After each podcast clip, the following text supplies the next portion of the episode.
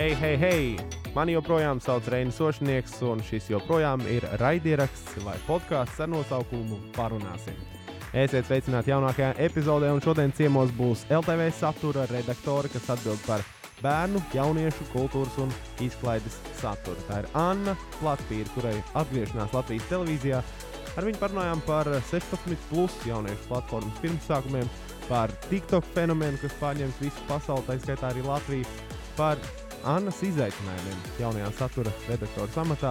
Par to visu tuvākajās minūtēs. Pagriez skaļāk un klausies!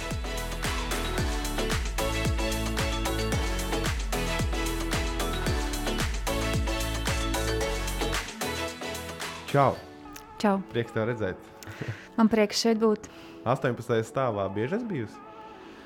Nu, sen atpakaļ droši vien, ka sanāca, bija dažreiz sapulces un tikšanās ar cilvēkiem. Bet mm. uh, parasti es uzturos 17. stāvā.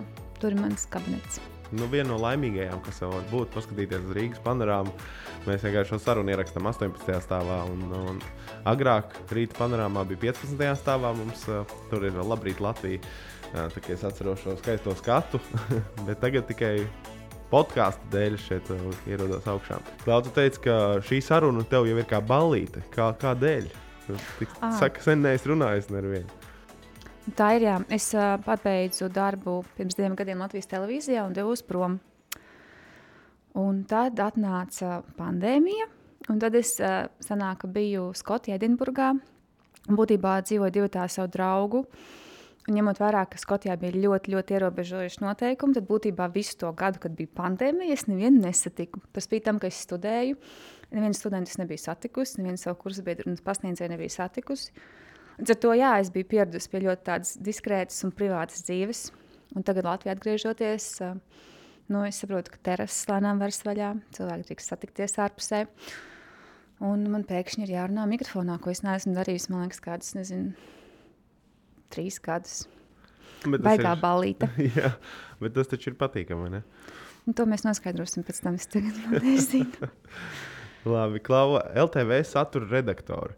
Tas tā cilvēkam no malas. Viņš domā, tā tagad Anna ir tas cilvēks, kas pilnībā pārvalda programmu no, no pi- pirmdienas līdz Tā piekdienai. cilvēki zinās. domājam. Nu, es tā pieļauju. Tu tā domā? Jā, bet varbūt uh, pastāstīja, ka, kas, ko, ko tas sev ietver šis amats. Un Tas ir tāds sarežģīts amats.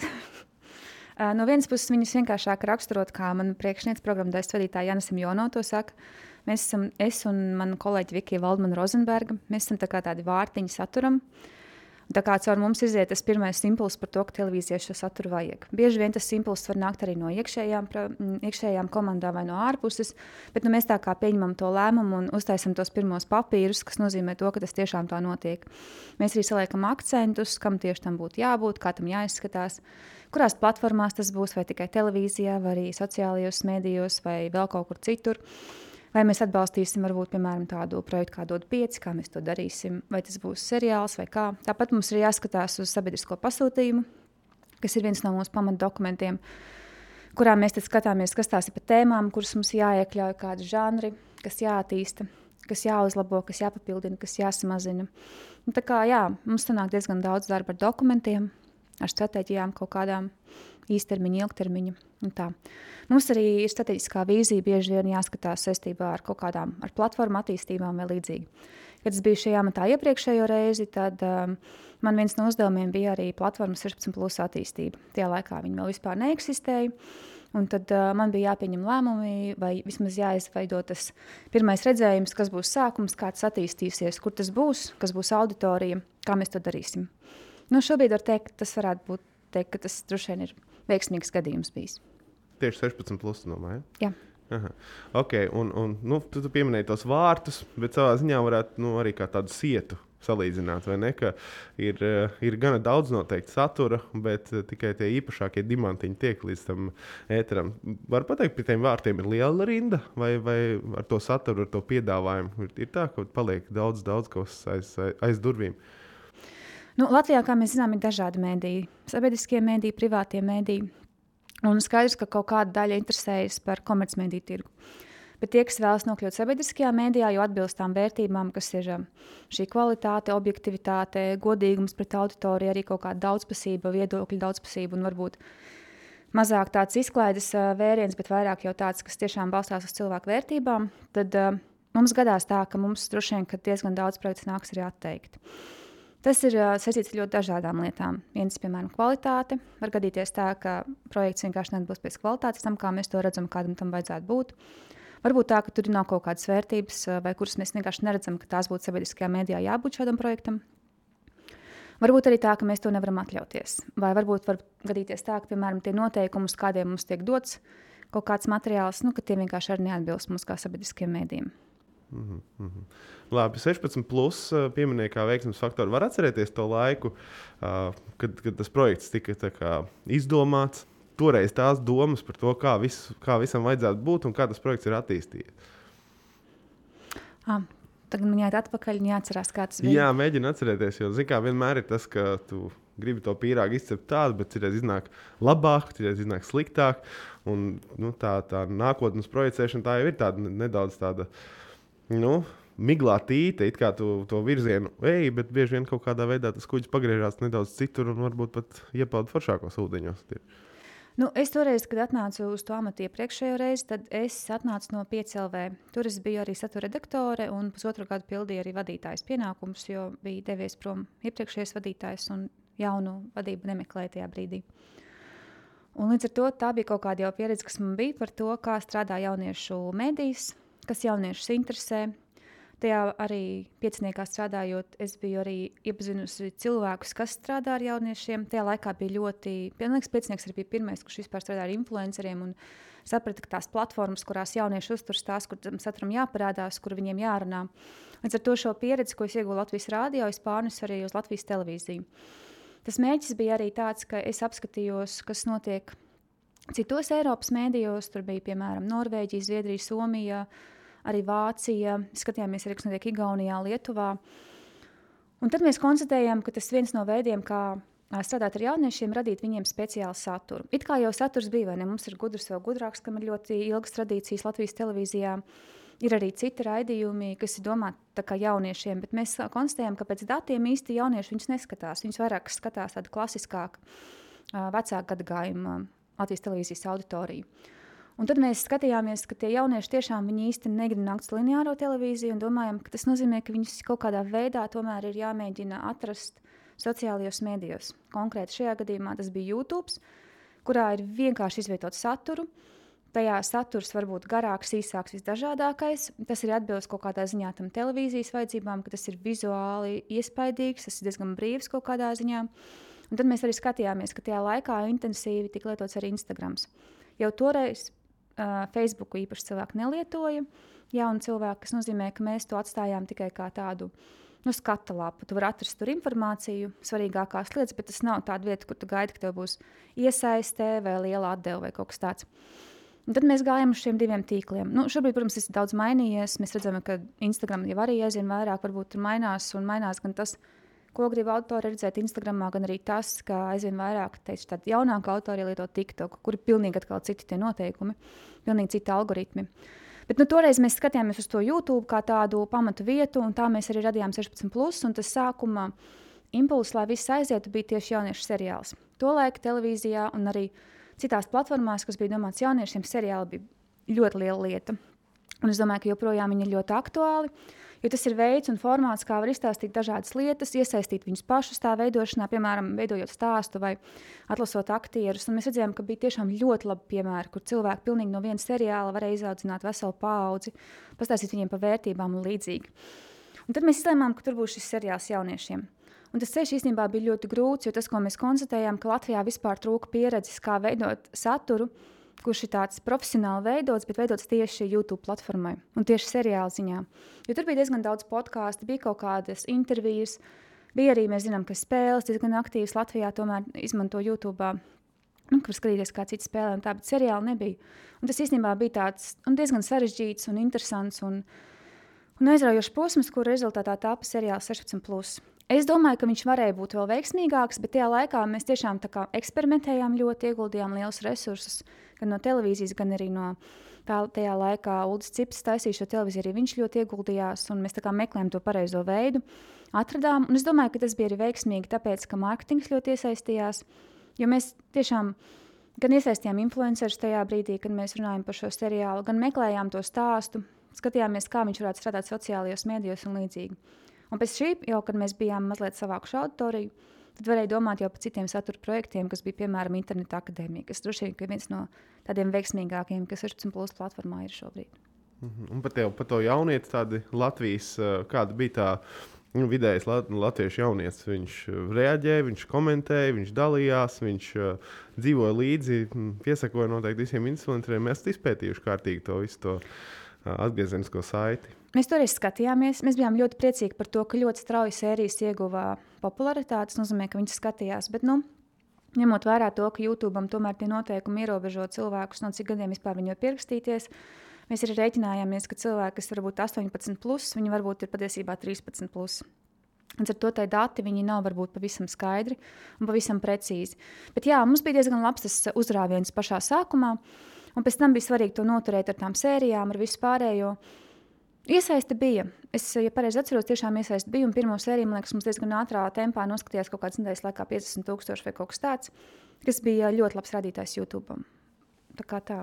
Nu jā, tad vēl vispār paskatoties pasaules saturu, gan YouTube, visādus prankus un, un tādas lietas, kur izjokošanas un, un eksperimentus. Un es nezinu, tur tiešām, tur, man liekas, visu kaut ko var atrast. Plus vēl Netflix. Un, tur tas piedāvājums tev tik liels ir, ka nezinu, kā, kā vispār saprast, kas tam jaunietim kurā brīdī interesēs. Vai tas nav arī tā, tā kā par tādiem viļņiem. Viņam ir 16 plus vilnis, aiziet, viņam tagad sākās cita pilnīga aizraušanās, lai tas ir TikToks, varbūt tad viss tagad TikTokā sēž. Man liekas, ka tie jaunieši vispār neparedzami. Viņi arī ļoti dažādi. Mēs jau zinām, ka Latvijā arī ir valodas nu, atšķirības cilvēku runā dažādās valodās, kas ir mūsu tāda, nezinu, bagātība vai izaicinājums kā kurā brīdī. Un, uh, Tas ir viens otrs, pa vecuma grupām šausmīgi atšķiras jaunieši. Atšķiras arī meitenes un zēni, kas viņiem kuram interesē. Atšķiras arī kādas viņi vispār ikdienā lieto mēdījus, cik ļoti viņiem ir pieejams tas internets vai spēles, vai kas, kā viņus ģimene audzina, kādas viņiem arī skolā ir situācija un līdzīgi. Tā kā cilvēki ir ļoti dažādi. Un mēs redzam, ka, piemēram, tie, kas lieto TikTok, varbūt nelieto YouTube, tie, kas lieto YouTube, varbūt nelieto Instagram atkal tik daudz. Un arī pat tām. Bet, uh, Es nezinu, man liekas, ka ir kaut kāds iespējams, meklējot, eksperimentējot, kaut kā skatoties uz tām tendencēm, atrast tomēr kaut kādas lietas, kuras ir vērts tajā brīdī mēģināt. Nu, piemēram, es domāju, ka ļoti labs ir uh, projekts Parunāsim, ko pašlaik veido 16 plus komanda, kas tomēr ir jau vairāk tāds vērsts uz, um, uz psihisko veselību, tādu emocionālo labklājību, uz fizisko veselību. Uh, kas, manuprāt, ir ļoti labs. Un, ja mums arī izdosies, varbūt mēs varēsim arī domāt vairāk par kaut kādu jaunāku autorijas iesaistu saistībā ar veselības mācību vai vēl kaut ko. Respektīvi, mums jau arī jāstāsta, lai tas saturs ir maksimāli dažāds. Mēs, protams, esam vairāk varbūt, jauniešu ziņā aizgājuši tādu izklaidi, bet to izklaidi mēs jau arī skatāmies. Nevis uz kā vienkārši izklaidi, kurā nezinu, tu atnāc un vienkārši smejies nezinu, par kaut kādiem jokiem, kas saistās ar to vai vēl kaut ko. Bet mēs uz viņu skatāmies kā tādu, kas vairāk reprezentē to jaunošu kultūru, parāda viņus pašus.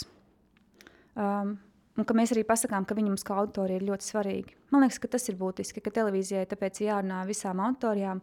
Jo pretējā gadījumā kaut kādā brīdī var būt pats posms, kad mēs vienkārši zaudējam veselu, uh, veselu cilvēku apjomu, kurš savā vecuma grupā vienkārši televīziju nav pamanījis. Nu, protams, svarīgi noteikti ir jaunieti. No, atceroties, mēs visi esam bijuši jaunieši, un, un tā, ir tas vilnis, tev ir jāspēj viņu kā ar surfa dēlu trāpīt tajā vilnī. Jo nedaudz nokavējot, jaunietis teiks, tas jau viss ir vecs.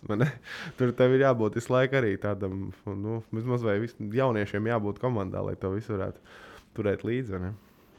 Nu, tas ir vērtīgi jauniešu komandā, bet es atceros, ka mēs arī mēģinājām strādāt ar jauniešiem, pasūtīt viņiem pašiem saturu. Mums bija daži no influenceriem tajā laikā, kas bija YouTube un Instagram. Uh, Un viņiem vispār bija ļoti grūti strādāt. Viņiem bija ļoti grūti ievērot termiņus, pirmkārt. Otrakārt, viņiem šķita, ka viņiem jātaisa ir televīzija, nevis savs saturs. Viņiem nekādi nevarēja pateikt, ka tas, ko mēs no viņiem gribam, ir viņu oriģinālais saturs, viņu domas, tādas lietas. Viņi kaut kā visu laiku mēģināja iet tādā televīzijas raidījumu pavadā. Tas bija ļoti grūti. Un, jā, un tad pārējās lietas, kas arī saistās ar televīziju, jau tomēr jāatskatās par katru izlietoto santīmu un par eiro. Viņiem ļoti grūti ir organizēt savus budžeta lietas un tādas. Un ja mēs šo saturu no viņiem ņemam, tad viņiem pašiem par to jāatbild. Tas diezgan grūti ir tādā ziņā strādāt. Bet es domāju, ka mums arī šobrīd 16 plus komandā ir jaunieši. Arī tolaik bija jaunieši. Jaunieši ir tik piesaistīti gan scenāriju veidošanā, gan arī, piemēram, interneta akadēmijas veidošanā. Un tas, protams, ir būtiski, jo tikai tā var redzēt arī, kas viņus interesē, ko viņi patērē un kā viņi grib to redzēt. Protams. Mm -hmm. nu, labi, un tagad tā auditorijas daļa, kas ir piemēram 40 plus un uz augšu. Uh, un tad, ja viņi ieliktu 16 plus saturu lineārajā televīzijā, piemēram, pēc panorāmas, vai būtu daudz zvanu ar to, ka, Dievs, kas, tas, kas tajā saturā ir, ko tie jaunieši tur runā. Tu domā, ka būtu? Nē, es, es jautāju, kā tu domā. tas jau ir tāpat saturs. Es nezinu, mums, liekas, arī televīzijā lineāri aprādē tik ļoti daudz un dažādu tā satura. Gan mākslas filmas, gan jau no režisora filmas. Mums ir dokumentālās filmas, kas citreiz ļoti, nu, piemēram, nezinu, par Putinu vai par Hitleru vai kas, kas izstāsta ļoti pretrunīgus viedokļus un reakcijas. Mums arī tās pašas ziņas vai de facto taču ir nu, citreiz tāds, ka cilvēki vienkārši reaģē uz viņu, skatās, un viņiem ir ļoti daudz viedokļu. Vai vēl labāks piemērs ir aizliegtais paņēmiens, kurš ar eksperimentiem vienkārši citreiz pārsteidz visu sabiedrību. Tad nāk vienkārši plūsmā, man liekas, tie viedokļi un komentāri. Es domāju, ka nē, man liekas, ka cilvēki ir pieraduši gan pie Netflix, gan pie YouTube, gan arī pie nu, tā, kāds tomēr tas standarts ir šodien. Mm, televīzijai un vispār vizuālajai valodai, audiovizuālajai valodai. Es domāju, ka nē. Varbūt būtu mazliet pārsteigums par kaut kādu valodas lietojumu, anglicismiem vai kaut ko tādu. Bet es šaubos, ka tā būtu liela, liels pārsteigums. Nu jā, ne, es domāju, ka ir dzirdēts tāds viedoklis, ka tagad jau ir grūti saprast dažreiz, ka viņi uh, anglicismus lietojot savā starpā, bieži vien nesaprot īsti, ko tas jaunieks ar to grib teikt. Nu, labi, bet uh, kopējā bildē TV saturs, jau minēja sabiedrisko pasūtījumu. To var noraksturot, ko tādu veidienkārtu, kad atnāc restorānā, un tur ir nu, pilnīgi viss no deserta līdz, līdz zupām un tā tālāk. Nu, tad, mm, cik daudz no tā ir sabiedriskais pasūtījums, kas uh, no, no 80% sastāv piemēram no satura? Viss ir sabiedriskais pasūtījums. Nu, jā, nu es nezinu, pašreklāma varbūt nav sabiedriskais pasūtījums. Varbūt kādreiz, kad bija vēl reklāmas tirgu, reklāmas nebija sabiedriskais pasūtījums. Bet uh, būtībā jā, viss, kas ir televīzijā, ir sabiedriskais pasūtījums. Tas pārstāv vai nu kaut kādas vērtības, vai nu tas mērķē uz konkrētu auditoriju, vai tas noklāja konkrētus notikumus, vai kaut kādas prasmes, vai kaut kādā veidā piesaista auditoriju pie citas satura vai veicina ģimeniskās lietas. Nu, cilvēki var kopā kaut ko skatīties. Jā, viss, pilnīgi viss sabiedriskais pasūtījums šobrīd. Nu jā, tā ir skaitā dievkalpojumi, vai ne? Jā. Ir, Tas cilvēkam, kas varbūt no malas jā. Jā, nesaprot, nesaprot nu, viņš arī varētu jautāt, kāpēc jūs rādat dievkalpojumus, ja, piemēram. Bet tas ir iekšā sabiedriskā pasūtījumā. Ne? Protams, jā. tas ir jā, nu kā mums jāuzrunā cilvēki. Es domāju, arī šajā laikā, kad uh, viss notiek attālināti, uz baznīcu aiziet nevar. Vēl jau būtiskāk, ka tu ieslēdz sēdienā to savu televīziju un skaties dievkalpojumu. Es varbūt die, nu, tā personīgi pati dievkalpojumus neskatos, bet es vienkārši saprotu, ka ir Latvijā salīdzinoši liels apjoms cilvēku, kuriem interesē reliģiskās vērtības un reliģija viņiem ir svarīga. Šajā gadījumā droši vien kristietība, jo man šķiet, ka mums citu veidu dievkalpojumu nav. Nu, tad viņiem arī tas ir būtiski, ka viņi to var izdarīt no mājām. Labā kvalitātē, skaidri dzirdot, ko runā mācītājs no kanceles. Man vecmāmiņa, kur nu jau ir mirusi, gāja uz baznīcu bieži, un viņa vienkārši gāja. Viņa tur sēdēja, viņa neko nedzirdēja, jo vienkārši tas bija pārāk tālu, viņiem bija pārāk slikta dzirde. Bet uh, mājās, ja viņi skatītos, nu, viņai tā bija tradīcija, bet ja viņi no mājām skatītos, viņi dzirdētu katru vārdu. Mhm. Labi, un ja mēs pārējām pie izklaides, tad uh, no Latvijas televīzijas ēterā vispār. Uh, kā skatītājs viņš gaida to izklaidi, ka būs arī kaut kādi šovi, kas ir ģimeņu vai vienalga spēļu šovi un tā tālāk.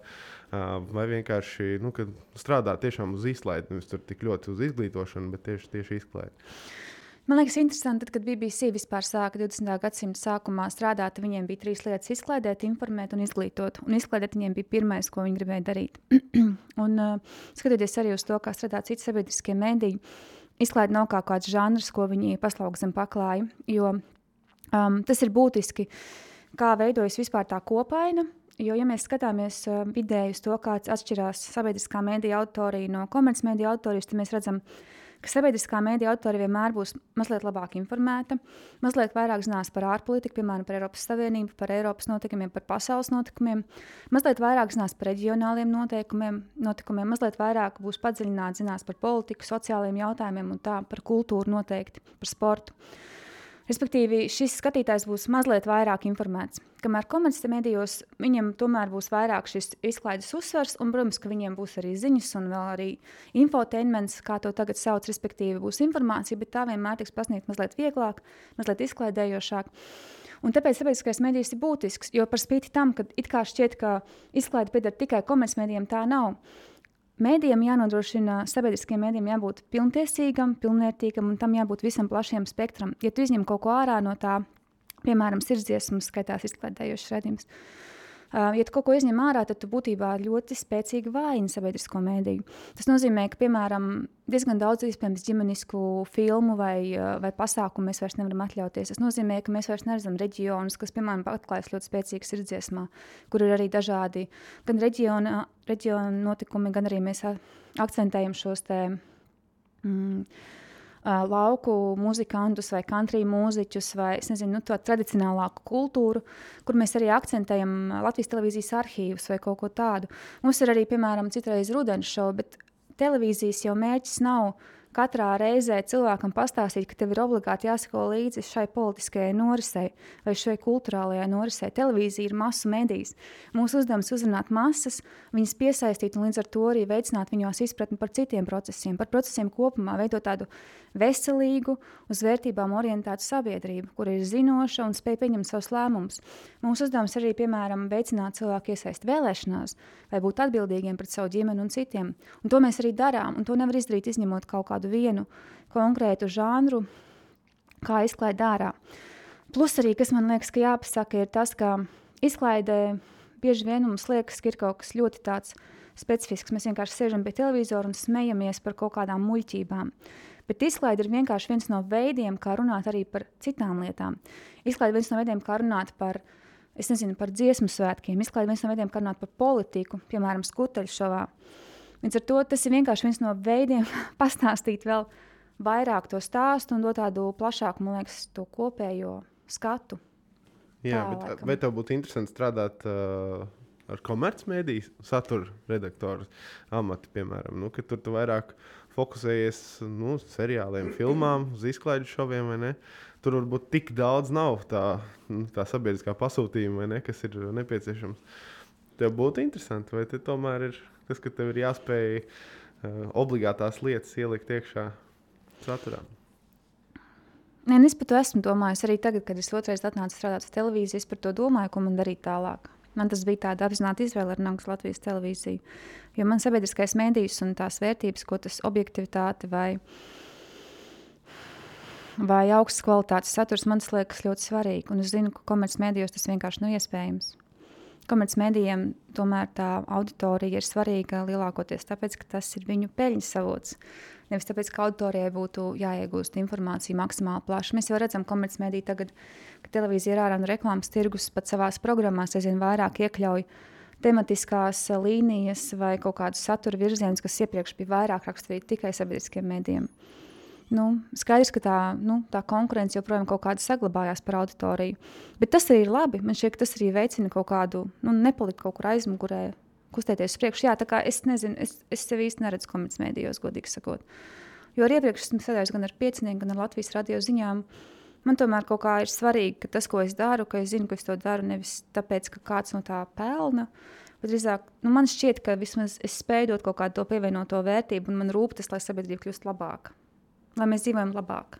Man tiešām gribas, lai mēs dzīvojam labāk, lai mēs ejam kaut kādā virzienā, kurā cilvēki ir laimīgāki, apmierinātāki un saticīgāki. Nu, tā kaut kā, es nezinu. Mm -hmm. nu, skaisti.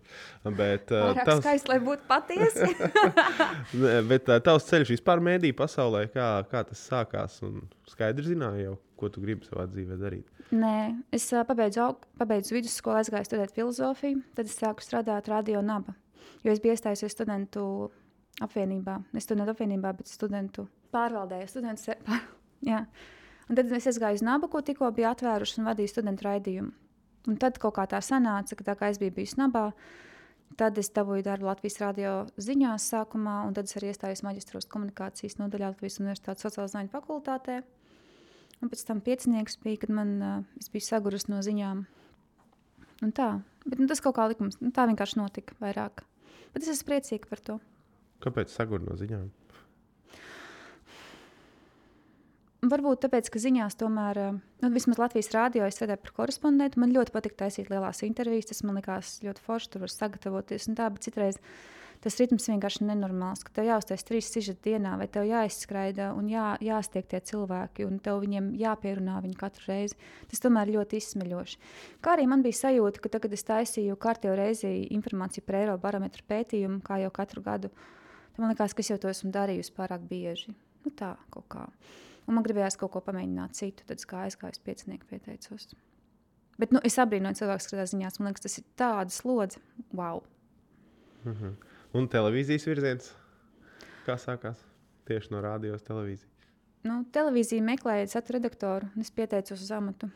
Un tā kā tajā brīdī televīzijā bija tieši vēlme attīstīt jauniešu platformu, tā kā es nācu no pieciniekas jauniešu medijas, tad laikam tika pieņemts lēmums, ka es atbilstu šim amatam. Man pašai likās ļoti interesanti arī. Bet tev nu, tagad iepazina radio no tās puses, no tās otrās puses, un tagad televīzija redzot, uh, cik daudz tur redz tās atšķirības. Un, nu, te par bildi jādomā arī, vai ne, ne tikai par audio, kā radio. Nu, atšķirības diezgan lielas. Ir kopumā tie mērķi varbūt ir vienoti, bet atšķirības lielas, jā, kā tas tiek darīts, arī kā komandas organizējas, kas ir tas rezultāts, kas beigās sanāk. Bet es domāju, ka tas mērķis ir viens, un uh, es domāju, ka tas arī ir iemesls, kāpēc es varu turpināt to darbu šeit. Uh mhm. -huh. Tev pašai ir arī Instagram un YouTube. Tu kaut kāda lieta, kaut kādas pārdomas. Viens no tām bija arī par reliģiju, ko tu biji ierakstījis. Hmm. Es redzēju, ka to vajadzētu izvēlēties pēc 18 uh, gadu sasniegšanas. Ja, bija tāds gadījums, bija tāds gadījums. Jā, jā. Cik, jā, cik, cik daudz tu pati vēl atrod laiku nu, kaut kādā veidā parunāt ar saviem sekotājiem? Man jāprecizē par to YouTube. Es YouTube savu kanālu uztaisīju tieši tāpēc, ka man bija jāstrādā pie jauniešu kanāla, un es gribēju saprast, cik viegli vai grūti taisīt kaut ko YouTube. Es sapratu, ka ir vienkārši kaut ko ielikt ielikt, bet, lai kaut ko uztaisītu, vajag tomēr diezgan daudz drosmes. Vajag tomēr saņemties, apsēsties, ierakstīt, pēc tam vēl pišķiņu pielabot, un pēc tam vēl saņemties un viņu tiešām ielikt, nopublicēt. Un tāpēc man tur nav daudz, un, un es gribēju vienkārši paskatīties, kā tas strādā. Tāpēc arī tas nav kaut kas, uz ko es orientējos. Facebook un Instagram izmantoju droši vien personīgiem mērķiem, tāpat kā Twitter, vairāk profesionāliem varbūt.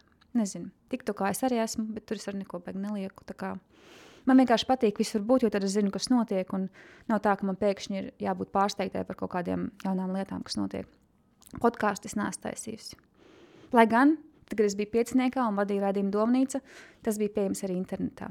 To varētu nu, jā, es, podcastu. es tieši gribēju teikt, dom, domnīca vēl jau uz podkāstu. Varbūt nebija stundīgi, vai ne? Bet, uh, stundīgi viņi tieši bija. Stunda bija, man liekas, pusstunda. nē, nē, bija stunda.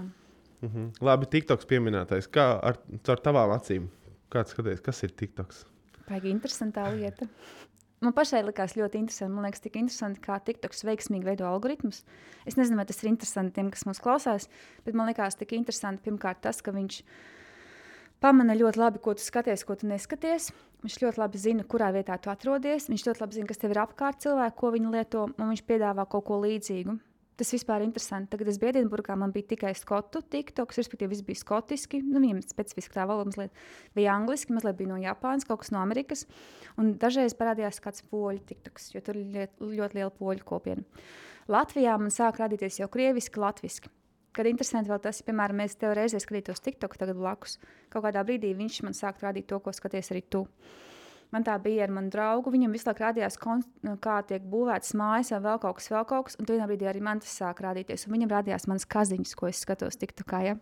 Tā kā... Jā, es šādu video redzēju tieši TikTokā, kad blakus telefons saliekot, ka viņas mm, šķirst, un tur jau ir pilnīgi identiski aizgāja. Es nezināju, vai tā ir taisnība. Tā ir. Nē, bet... Viņš kaut kādā veidā, jā, viņš pēc tās lokācijas skatās, ko cilvēki lieto, un balstoties uz, balstoties uz to, viņš arī sāk piedāvāt kaut kādu līdzīgu saturu. Tā kā viņš arī skatās pēc vecuma, pēc lokācijas, pēc dzimuma, pēc tā, ko tu skaties, pēc tā, kur tu to skaties. Tur ir tik daudz to algoritmu. Un citreiz tas nav nekāds brīnums, ka cilvēki tiešām var 5 stundas vienkārši skrolēt TikTok. Jo vienkārši algoritms ir šausmīgi veiksmīgs. Protams, ka viņiem ir ļoti daudz problēmu ar jauniešiem. Viņiem joprojām diezgan daudz tāda seksuāli intensīva rakstura, lai gan viņiem autorija ir ļoti jauna, ar ko viņi arī paši cīnās. Viņiem ir bijuši pārmetumi arī par LGBT uh, ierobežošanu un līdzīgi. Tā kā TikTokam ir daudz problēmu. Arī par datu aizsardzību mēs zinām, ka bija jautājums tieši ASV kontekstā. Nu, nu, tas nav vienkārši, bet kā izklaides materiāls un kā tāds arī izziņas materiāls, man liekas, ka viņš ļoti interesants. Jo es zinu jauniešus, kas tiešām no TikTok iemācījušies, pamēģinājuši gatavot tēst, noskaidrojuši kaut kādus fizikas jautājumus, iemācījušies dārzkopību, vēl kaut ko. Nu, tā, protams, ka nav nekad skaidrs, vai tas tiešām tā eksistē un vienmēr informācija ir jāpārbauda. Tieši tā, bet tā, tur es piekrītu, ka citreiz ievelk tā, tādā purvā tas tiktoks, uh, un nevis uh, sliktā ziņā, bet labāk tiešām skaties, ko, ko cilvēki neizdomā.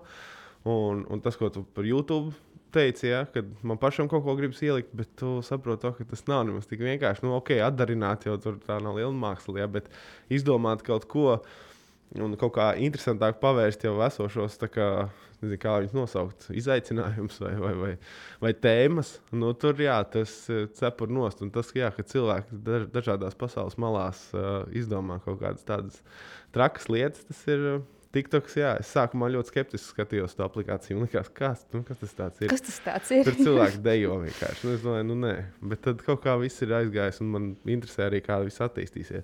Mēs arī Latvijas televīzijas, tur vairākas gan ziņu dienests ir 16. Plus, nu, tur varētu saukt. Un, un, un jautājums ir, kā, kā, kāds uzstādījums no LTV puses, vai tur nevajadzētu vispār arī. Nu, pilnībā komanda viena, kas strādā tikai uz TikTok. Jo šobrīd jau ir tā, ka nu, kaut kādas ēterā, ēterā neparādījušās lietas, kas ir no filmēšanām, kaut kādas smieklīgas lietas tiek parādītas un ieliktas TikTokā.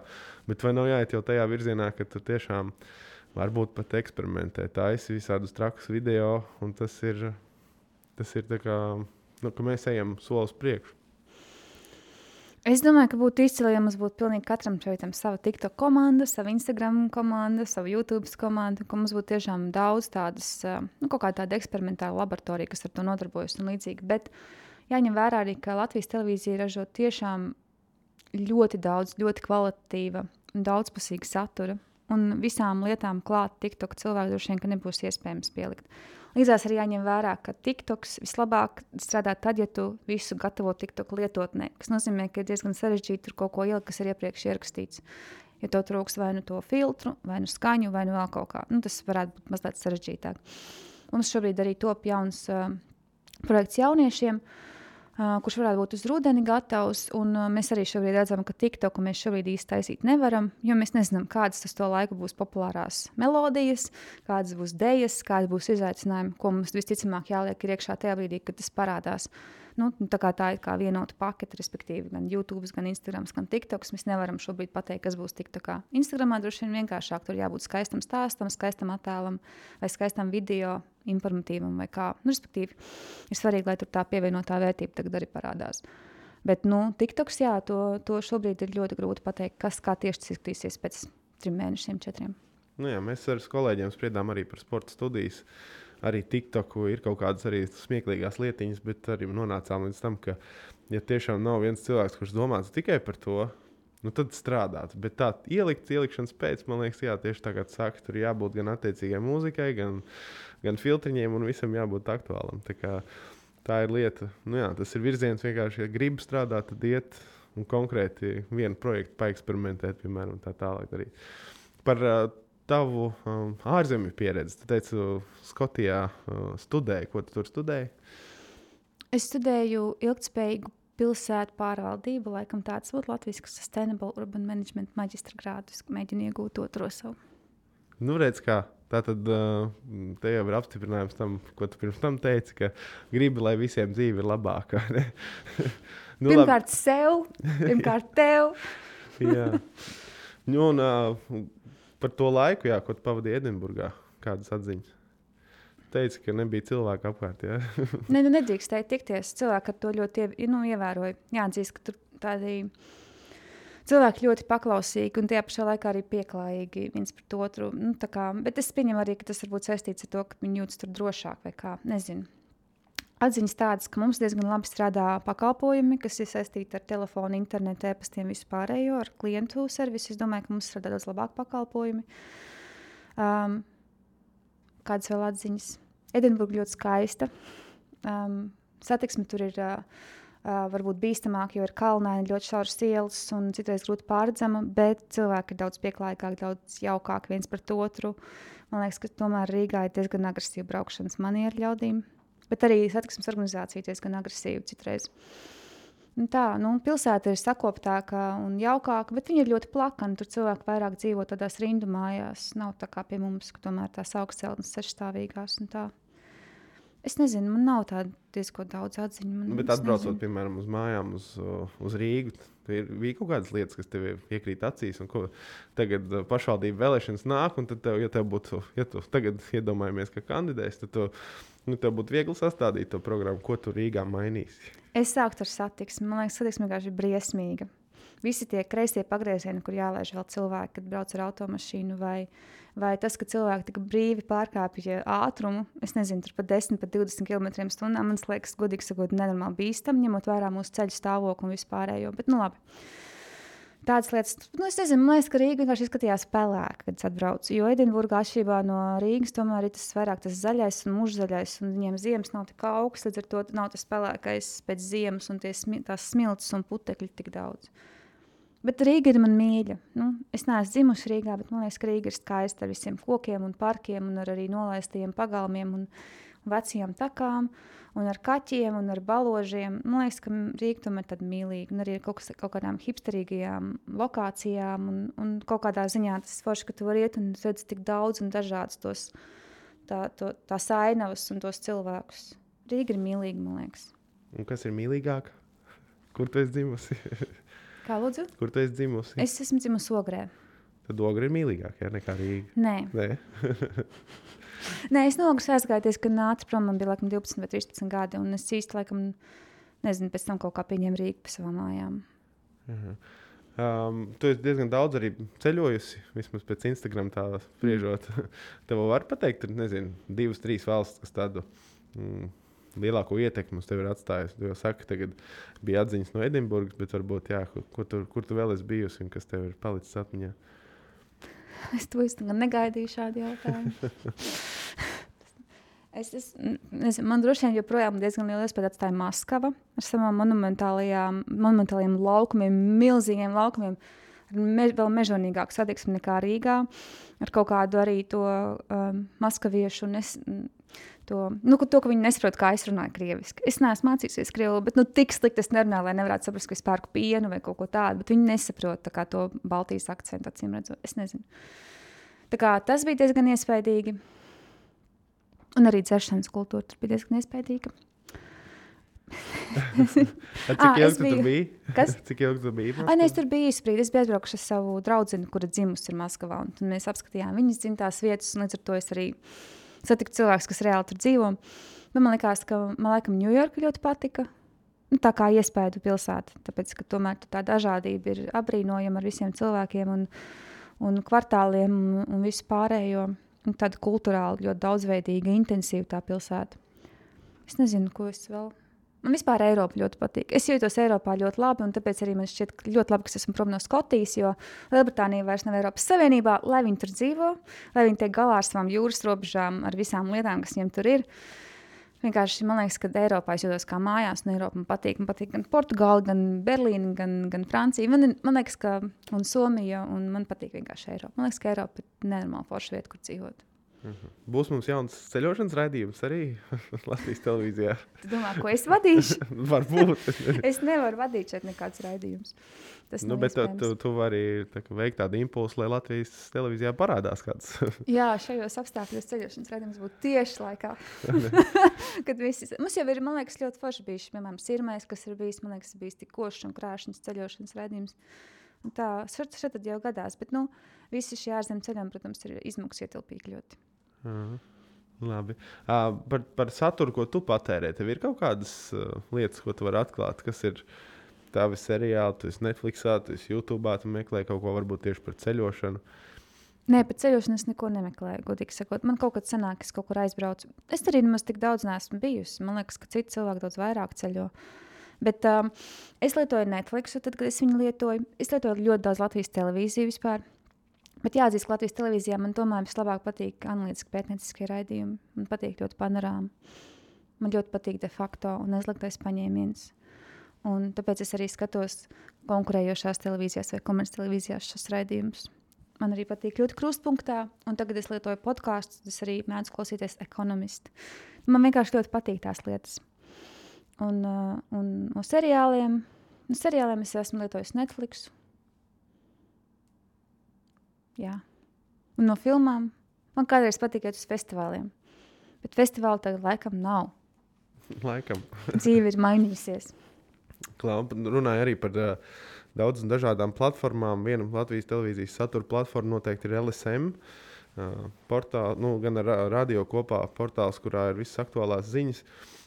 Šobrīd kā varbūt noraksturot, kur LSM atrodas uh, Latvijas uh, šajā te internetu platformu kartē. Oi, man liekas, ka Elsa ir lieliskā vietā. Man liekas, viņiem visu laiku pieauga auditorija. Viņiem aizvien vairāk cilvēku uzticas. Man liekas, ka viņiem ziņas vienkārši lieliskas. Es varu pateikt tikai pilnīgs atzīmes vārdus redakcijai, kas tur strādā. Mm, Man liekas, ka viņiem. Viņi ir atraduši kaut kādu pareizo veidu, kā strādāt ar auditoriju, kā nodrošināt to, ka tās ziņas sabalansētas, un uzticamas un interesantas.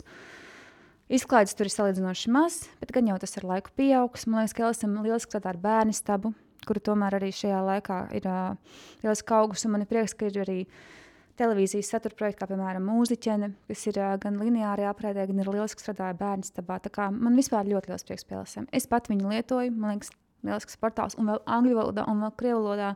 Nu, mwah. Un uh, angļu un krievu valodās, kā, kā ar to mm, patērēšanu? Daudz tiešām. Nevarēšu Lārs? atbildēt precīzi. Es zinu, ka tie, tie skaitļi būtiski atšķirīgi. Krievu valodā ir mazāk nekā latviešu versijā, un angļu valodā ir vēl mazāk. Bet es domāju, ka reprezentācija, kā informācija, kur var iegūt tomēr šīs ziņas ā, droši un skaidri, īpaši angļu valodā, tas ir ļoti būtiski. Par krievu valodu es tik labi nezināšu. Tas būs tomēr Elisamam jāprasa. Labi. Un uh, tu pirms tam minēji, ka ir sabiedriskā mēdīja auditorija un ir komercmediju auditorija. Tu vari salīdzināt tos, to, to cilvēku, kas skatās, patērē komerci un kas patērē. Man sabiedri- jau liekas, ka tas tomēr varētu būt viens un tas pats cilvēks, tikai dažādos laikos vai dažādās situācijās. Visticamāk, vai kā mēs arī to redzam, sabiedriskajiem mēdījiem ļoti pieauga auditorija tajā brīdī, kad valstī kaut kas notiek liels. Nu, piemēram, sākas pandēmija, vai notiek kāda traģēdija, vai tieši pretēji ir kaut kādi milzīgi svētki, vai ir vēlēšanas. Tad skaidrs, ka sabiedriskā mediju auditorija pieauga. Tāpēc, ka ziņas, ā, aktuālā informācija, tā ir tā, ko droši vien pirmkārt meklē sabiedriskajā mēdījā. Kamēr komercmedijas droši vien vairāk ir tāds uh, notikums, kurā tu ej un tu, tu aizmirsti par visām savām rūpēm, tad tev nav jādomā par to, kas notiek Latvijā. Par to, uh, nezinu, par skolu sistēmu, par kultūras notikumiem, vēl kaut ko. Tu vairāk vienkārši ļaujies tam, ka tur ir plūsma, kur tev izklaidē. Un, uh, un tad ik brīdim parādās varbūt ziņu saturs vai vēl nu, kaut kāds tāds dokumentālāks saturs. Bet jā, nu, es jau iepriekš minēju, man liekas, ka tas, uh, tas sabiedriskā medijā cilvēks, Viņam ir, viņš parasti tomēr ir labāk informēts par notikumiem Latvijā un pasaulē. Viņam vairāk interesē kultūras notikumi, viņu vairāk interesē izglītošanās un uz, nu, jauna informācijas ieguve. Viņš drīzāk varētu būt tas, kurš aiziet un iet uz vēlēšanām. Viņš drīzāk varētu būt tas, kurš um, spēj objektīvāk varbūt saprast, cik dažādi ir viedokļi. Viņš drīzāk varētu būt tas, kurš ir informēts par to, kas ir Eiropas Savienība vai kaut kā tāda. Un viņš droši vien ir arī tas, kuram interesē tā politika un sociālās lietas. Es gribētu teikt, ka sabiedriskā medija auditorija nav tik ļoti būtiski atšķirīga. Vienkārši, ja tu vairāk viņu patērē, tad tu vienkārši vairāk zini. Nu, tu esi mazliet zinošāks sabiedrības loceklis. Uh, varbūt tu maz, mazliet labāk iepazīsti sevi, iepazīsti sabiedrību, apkārtni, un tu kaut kā varbūt arī jūties drošāk valstī. Varbūt tev arī nav tik ļoti daudz baiļu un aizspriedumu vai, vai šaubu par to, kāpēc tu te esi, kas te notiek. Jo mēs zinām, ka Latvijā jau tomēr diezgan daudz to aizspriedumu ir par to, kā strādā valdība, kā strādā policija, vēl kaut kādas institūcijas, arī sabiedriskais mēdījis. Un man liekas, ka arī sabiedriskais mēdījis ir tas, kurš, kur autori ļoti kritiski vērtē. Viņi ir ļoti daudz gaida no viņa. Tāpēc arī tie pārmetumi var būt par visām iespējamām jomām. Vienam liksies, ka ļoti labi, ka preses pres konferences ar Krišānu Kariņu, un kādam citam liksies, ka pilnīgi nepieņemam sabiedriskajā mēdījā. Un kādam atkal liksies, ka ir uh, normāli, ka sestdien rītos ir bērnu raidījumi, citam liksies pilnīgi nepieņemami. Nu, bet tas ir labi. Man liekas, tas ir lieliski. Jo vairāk tādas kritikas ir no visdažādākajām pusēm, jo skaidrāks, ka sabiedriskais mēdījis labi strādā. Un Tagad, skatoties uz pagājušo gadu, uz to, cik daudz vispār sanāca pasakot līdzi, kā kaut vai ziņu dienas strādāja pandēmijas laikā. Ziņu dienestam es sekoju laikam līdzi, jo tas bija diezgan interesanti, kas notika. Bet, nu, protams, ka es biju esot prom, tik ļoti nevarēju to izdarīt. Nu, vienkārši nebija televizora. un tā, bet, um, Bet LSM patērē tur Jā, jau, tu tur jau bet es redzēju, pats, jā. Un tas sākums bija tāds, ka tiešām varēja atrast visu informāciju, kas nepieciešama sabiedriskajā mēdījā. Es būtībā citus mēdījus tik ļoti nepatērēju. Gan internetā, gan arī nu, to, ko es skatījos nu, jā, digitālajās platformās, kas ir. Man liekas, ka tā vieta, kur es to varu uzzināt, ir tieši Latvijas televīzija. Un tad kaut kādos brīžos, varbūt, kad ir nu, tā, ka tiešām gribas kaut ko salīdzināt vai saprast vēl padziļinātāk, tad es izmantoju vairākus avotus. Tad es pastos arī Delfs, TV3 vai pastos, kas vēl ir kaut kur pieejams. Nu, tā. Mhm, mhm. Nu, jā, bet tev, tev nav nekas iekrits acīs, tāds, kas nu, liekas, ka jūs tur par daudz esat darījuši to, vai tur pārāk daudz esat uzbāzušies ar ziņām par covid un tā tālāk. Vai tev šķiet, ka viss bija labi? Kā tev liekas, kā tas būtu, ja tagad tā teiktu, man liekas, ka bija par daudz? Kā tev liekas, kurš to dzirdētu un ko par mani padomāt? Bet, godīgi sakot, man liekas, sagaidīt otrajā stāvā. Tā Iveta Elksne. Bet es domāju, nu, nē, nav tik traki. Es domāju, ka tas uzdevums jau bija visu laiku informēt, visu laiku pateikt cilvēkiem, ka nu, tiek monitorēts un sniegt to maksimāli tuvāko, ātrāko informāciju, kas iespējama. Un vienīgais veids, kā to izdarīt, bija sniegt maksimāli daudz informācijas. Un, protams, ka tā informācija vienā brīdī varbūt bija pārāk daudz. Kaut kādā brīdī ir grūti jau skaitīt tos cilvēkus, kas saslimuši vai aizgājuši, vai kuri ir sapotējušies. Bet nu, tie skaitļi par kaut ko liecina. Tas tas, kā tās tendences mainās. Nu, līdz ar to, nu, par spīti tam, ka tas varbūt liekas pat lieki vai kā, bez tā atkal šis, ka tas nav izdarīts. Un sabiedriskajiem mēdiem labāk darīt, darīt, darīt, informēt, informēt, informēt, nevis atstāt kaut ko tikai tāpēc, ka nu, šoreiz jau būs par daudz. Jo tā tiešām ir tendence un tā ir informācija, kas sabiedrībai ir jāzina, un to nedrīkst kaut kur turēt nost un neparādīt viņiem.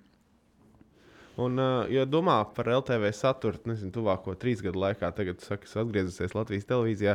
Protams, nevar visu tā pēkšņi ar nāzi nogriezt, kaut ko izņemt ārā, bet ir daudz lietas, ko tu uzreiz redzi savā plāniņā.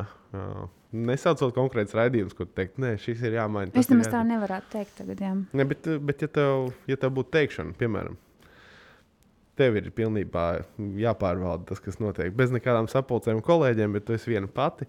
Un tev būtu daudz lietas, jā, ko tu uzreiz kardināli mainītu tieši ar LTV saturā. Man vispār grūti tagad to teikt, jo ir ļoti mainījusies tā situācija, to, ka televīzija vairs nav reklāmas tirgū. Es vēl mēģinu nu, tā kā apjaust to, kā tas viss notiek. Man liekas, ka mums tomēr kaut kādas daļas no, no satura vienībām būtu vairāk jāiet digitālajā un mazāk būtu jābūt tajā lineārajā. Man šķiet, ka tā varētu būt. Un skaidrs arī, ka Latvijas televīzijai vienmēr tas izaicinājums ir, kā viņiem tā autorija ir zinošāka un informētāka. Likums saka arī, ka viņi bieži vien arī ir vecāka gada gājuma. Līdz ar to ir jādomā vienmēr par tās jaunās autorijas iesaisti, piesaisti. Un tur ir droši vien citi noteikumi nekā tie, kas ir bijuši. Bet es domāju, ka televīzijā arī ļoti daudz kas mainās. Programmu plānošanā, ā, satura veidošanā, tajā, kā mēs vispār arī domājam par saturu. Man liekas, ka arī televīzijas iekšienē komandām ļoti daudz kas mainījies. Tu jau pats arī teici par to, ka jūs domājat par TikTok, to jau domā arī citi. Vienkārši Nu jā, es nezinu, man tagad es tā nevaru pateikt, ka es ļoti daudz ko mainītu. Varbūt kaut kādas nelielas izmaiņas būtu, bet uh, es neesmu tik kategoriski domājis. Man liekas, vairāk būtu varbūt vēl vairāk jāiet kaut kādā tādā sociālā, politiskajā aspektā, kas, piemēram, saistās ar dot pieci. Ziņdienas to ļoti daudz dara, veicinot, piemēram, izpratni par vēzi vai par citām lietām. Man liekas, ka tas ir arī sabiedriskajiem medijiem ļoti būtisks uzdevums, kā veicināt to sociālo sapratni par to, kā lietas var būt labākas, pieprasīt to atbildību no iesaistītajiem politiķiem vai institūcijām. Jā, tas varbūt būtu kaut kas, ko es uh, varētu domāt, ka vajadzētu vairāk. Bet nu, es esmu, es man vēl no pārbaudas laiks beidzies manā darba vietā. Tu man uzdod jautājumus, kurus varbūt maksās man tagad manu amatu. Es nezinu, cerams, ka nē. Bet, nu, jā, es domāju, ka nu, lēnām man ir vienkārši jāiestrādājas un jāsaprot, kā lietas notiek. Tad jau, tad jau var visu kaut ko izdarīt. Nu, kopā, protams, ar kolēģiem. Man liekas, ka man ir liels kolēģi. Mhm. Daudz strīdaties. Kur mēs varam strīdēties tajās digitālajās sapulcēs? Tu kamēr tiec pie vārda, jau pagājis gandrīz viss sapulces. Kur nu vēl strīdēties, ja sāk strīdēties, tad vispār nekādas sapulces tur vairs nav. Konstruktīvisms, konstruktīvisms. Bieži tu pats savu rociņu, to digitālo un tādu Es cenšos. Bet es citreiz esmu nepieklājīga un runāju vienkārši virsū. Citreiz man vienkārši apnīk. Cik var to roku turēt? Citreiz esmu desmit minūtes vienkārši tur to roku, man citi runā viens otram virsū. Kas tas tāds ir? Labi, nu, pārbaudas laiku būs izturējusi.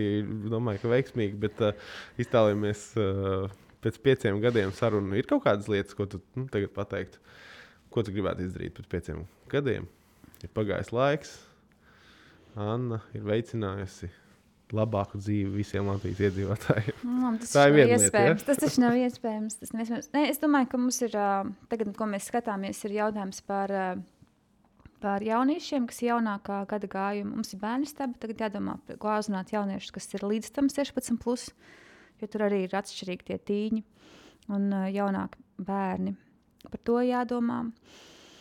Nu, Es nezinu, nu, es ceru, ka mums izdosies vairāk tās sociālās lietas sakārtot. un Es ceru, ka tā auditorijas tas vecums paplašināsies vairāk ar lineārā praidē. ka Tur būs aizvien vairāk cilvēku, kas ir ā, jaunāka gada gājuma. Bet es nevaru to tā precīzi pateikt. Es tiešām nezinu. Es tiešām nezinu, man liekas, ka man vēl vajag bišķiņi ieskrieties, lai es varētu tā pateikt. Man vēl mazliet jāsajūt tā televīzija un apkārtējā vide. Un es esmu tikko atgriezusies arī Latvijā, un man vēl jāpierod pie tā, ka Latvija bišķi atšķiras. Un ka tomēr man atkal ir jāatgriežas tajās vecajās takās un vecajās sajūtās. Dod man laiku, lūdzu. Reini. Dosim laiku. Un tātad visi kolēģi, kas klausījās, ja, dodam laiku.